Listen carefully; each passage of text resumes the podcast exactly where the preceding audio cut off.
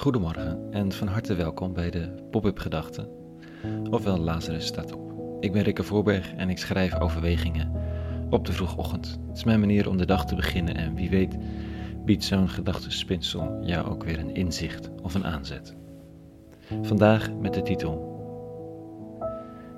Over feiten in deze tijden. Pop-up Gedachten donderdag 10 september 2020.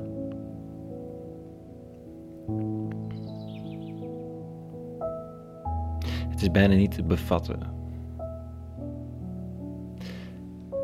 Net nadat ik gisteren mijn ochtendoverweging had opgenomen en afgesloten, las ik de berichten over Kamp Moria. Compleet afgebrand, gewonden, doden. 13.000 mensen die de hele nacht in touw waren geweest om zichzelf en hun geliefden in veiligheid te brengen of te beschermen. Paniek, rook, vuur, stress. Met mannen, vrouwen, grote en kleine kinderen die soms hun laatste beetje bezittingen in rook zien opgaan. Bilderende vlammen, bilderende politiek, roepende lotgenoten, schreeuwende dorpelingen. Een vriend van mij was op zijn scooter gesprongen, Matthias heet. Van Changing Stories, een theatermaker. Hij op het eiland. Zijn scooter hield er na vijf minuten mee op, toen ging hij lopen. Hij schrijft: Ik besloot verder te lopen. Ik moest en zou er zijn. Ik wist niet wat ik kon doen, maar ter plekke was mijn eerste noodzaak. Ter plekke zijn. Het aanzicht was onwerkelijk en ongelooflijk. Ik heb zoveel weg moeten slikken.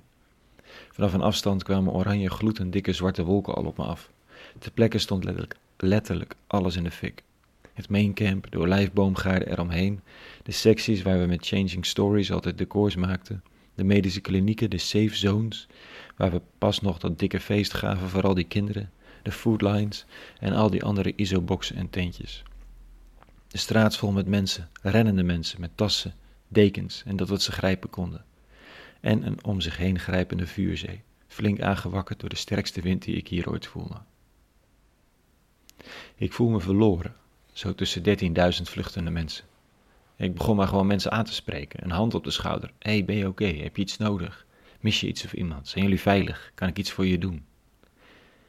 Ik kon niets wezenlijks doen, dus bleef ik dit doen tot vijf uur vanmorgen. Mensen vonden het fijn, iemand die je even ziet in deze hel. Dat je even geen nummer meer, maar een mens bent. Aandacht op jou en iemand die iets voor jou wil doen. Ik merkte dat het rust gaf.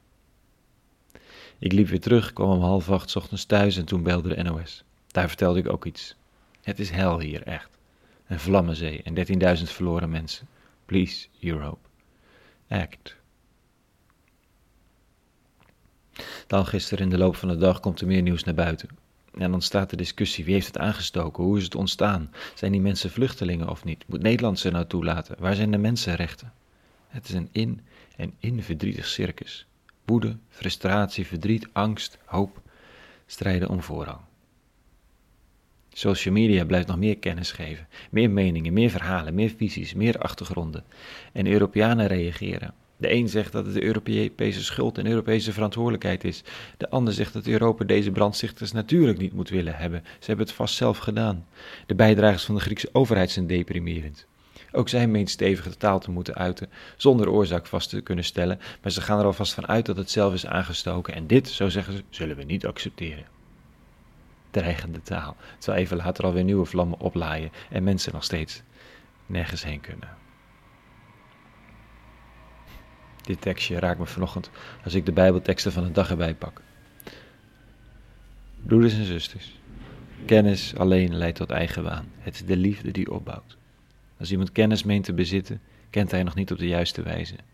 Maar wie lief heeft, die is gekend. Mogen zij gekend zijn? Zich gekend weten door mannen als Matthias die hun scooter parkeren en domweg gaan lopen omdat ze weten dat ze er moeten zijn. Laat er een plek zijn voor discussie over beleid, verantwoordelijkheid en feiten, maar laten we in godsnaam lief hebben. Elkaar, hen, onszelf, de helpers, zij die hoop hebben. Of zij die de hoop verloren zijn. Want kennis zonder liefde is niets. Niet in dit geval. In andere gevallen waarschijnlijk ook niet. En een hele goede donderdag gewenst. En vrede, te midden van alles. En alle goeds.